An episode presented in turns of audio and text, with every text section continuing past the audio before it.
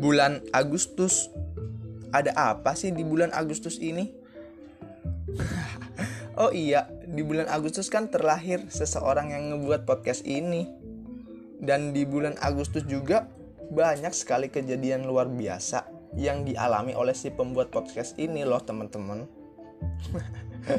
Mau tahu nih ceritanya kayak gimana? Yuk kita simak di episode-episode selanjutnya. Stay tune ya teman-teman. Dah.